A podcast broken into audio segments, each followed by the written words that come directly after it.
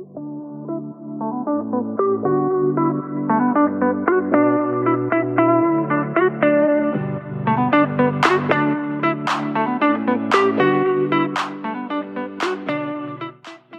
gewoon heel eerlijk met je te zijn, heb ik even getwijfeld of ik hier wel een aflevering over wil maken. En ik ga er gewoon wat over zeggen. Omdat het mij ook aangaat. En ook omdat het mij aan het hart gaat. Omdat het heel veel invloed heeft en impact heeft op mijn bedrijf en mijn branche. Maar ook omdat ik zelf in een situatie heb gezeten die voor jou misschien herkenbaar is. Althans, ik hoop het niet. Maar ik heb zelf ook wel eens in een coach geïnvesteerd waar ik achteraf echt spijt van had en het absoluut niet waard vond. Ondanks dat dat niet een ontzettend groot bedrag was. Um, althans, voor de ene is het een ontzettend groot bedrag, maar voor mij was het toen niet een mega groot bedrag. Maar het was wel een bedrag waar ik wel een beetje spijt van had, rond de 2000 euro. Maar wat ik eerst hierover wil zeggen is dat er ontzettend veel coaches uit de grond ploppen. De een naar de ander is coach, wordt coach, waar dan ook in. Hè? Dus ik heb het helemaal niet specifiek over business coaches, maar allerlei coaches. Voedingscoaches, hormooncoaches. Nou, wat zien we nog meer? Lifestyle coaches. Echt allerlei coaches. Je kan niet zo gek niet bedenken of ze zijn er wel. En het worden er ook steeds meer. Allereerst vind ik dat ontzettend goed. Want ik weet hoe waardevol het is om met een coach te werken. Niet alleen zakelijk gezien, maar ook gewoon privé. En wat dat kan opleveren. Dus ik ben heel blij dat dat steeds normaler wordt. Want vroeger was het niet zo normaal om met een coach te werken. Ook niet privé gezien. Maar was het juist, nou, misschien een beetje raar of een beetje gek? Of schaamden we daar ons een beetje voor? Dus er lag nogal een taboe op. En dat verandert. En daar ben ik echt ontzettend blij mee. En ik zie het nut daarvan ook in. Ook zakelijk gezien, omdat ik zie hoe mensen bijvoorbeeld soms kunnen struggelen met het opzetten van hun bedrijf, maar ook echt als ze al verder zijn en die volgende stap willen maken. Nou ja, dat is lastig. En dan is het fijn om een soort frisse wind en frisse blik te hebben waar je op kan terugvallen en waar je mee kan sparren. Dus ik zie het nut ervan in en ik ben blij dat deze ontwikkeling plaatsvindt in de markt en ook in de ondernemerswereld dat we ook bereid zijn te investeren in een coach. En dat we daarmee ook laten zien dat we ons bedrijf echt serieus nemen. Want zo kijk ik er dus wel naar.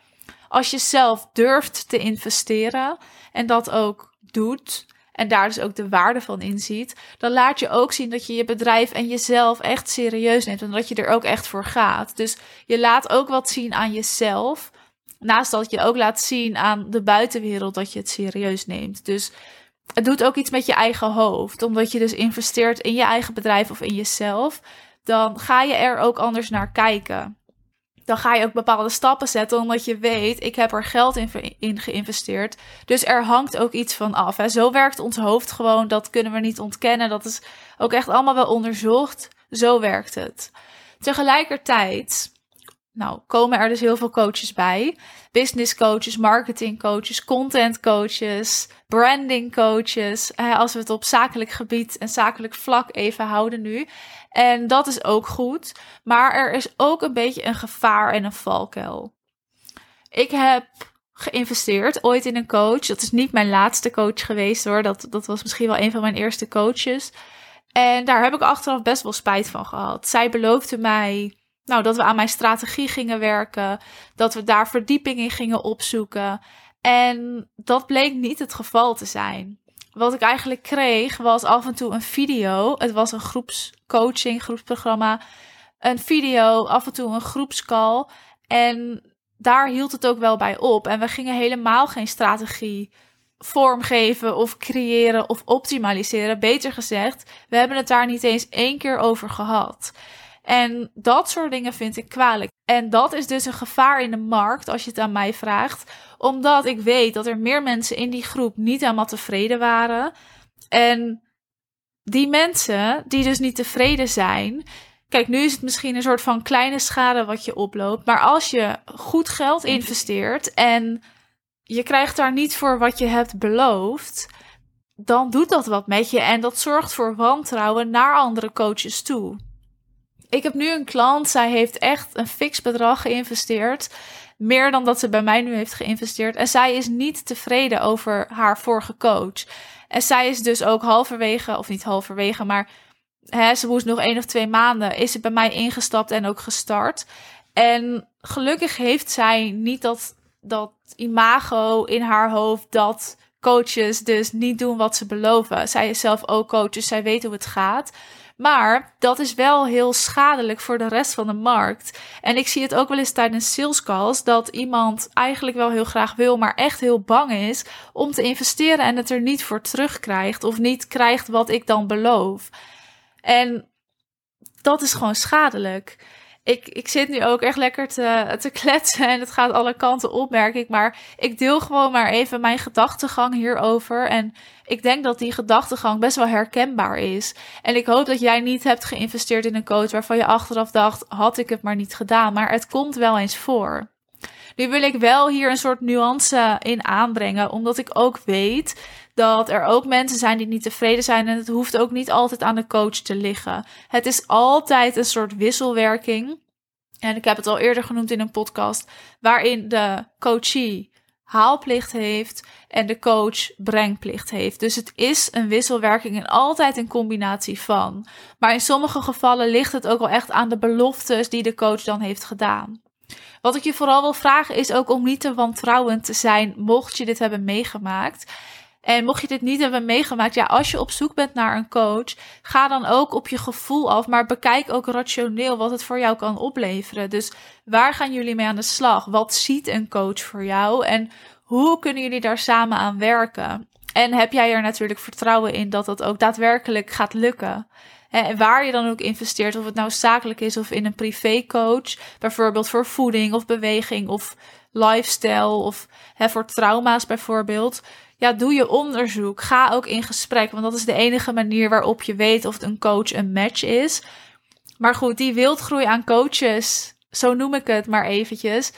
Dat is aan de ene kant een mooie ontwikkeling. Want ik vind het heel goed dat we er bewust van worden dat een coach ook echt iets kan bijdragen en ons echt heel veel oplevert. En tegelijkertijd is het een valkuil, omdat er altijd rotte appels tussen zitten. En soms kun je die er niet uitfilteren. En nou, wie weet gaat het een keer voorkomen dat je dan een investering doet waar je achteraf spijt van hebt. Maar mocht je dat doen of gedaan hebben, ga er dan ook over in gesprek met die persoon. Het is niet zo dat je dan je hele investering terug kan krijgen waarschijnlijk, maar het is wel zo dat jij kan aangeven en open en oprecht het gesprek kan aangaan van hé, hey, dit is niet wat ik verwacht had en waar ligt dat dan aan? Het is ook een stukje verwachtingsmanagement vanuit een coach. En ben jij nou coach of wil jij voorkomen dat je ook ontevreden klanten hebt? Zorg dan dat je dat verwachtingsmanagement gaat aanpakken. Dat is ook wat ik doe. En dat is ook de reden dat mijn klanten wel tevreden zijn.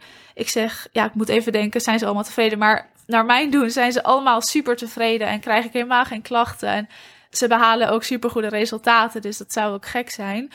Maar dat verwachtingsmanagement, dat zorgt daarvoor. Je onboarding, wat je vertelt tijdens een sales call, hoe je je aanbod doet, maar ook dat vervolggesprek. Of iemand nou ja of nee zegt, ook als iemand ja zegt, is een vervolggesprek heel nuttig om nog even te checken: zitten we op dezelfde lijn en gaan we ook ermee aan de slag wat jij verwacht.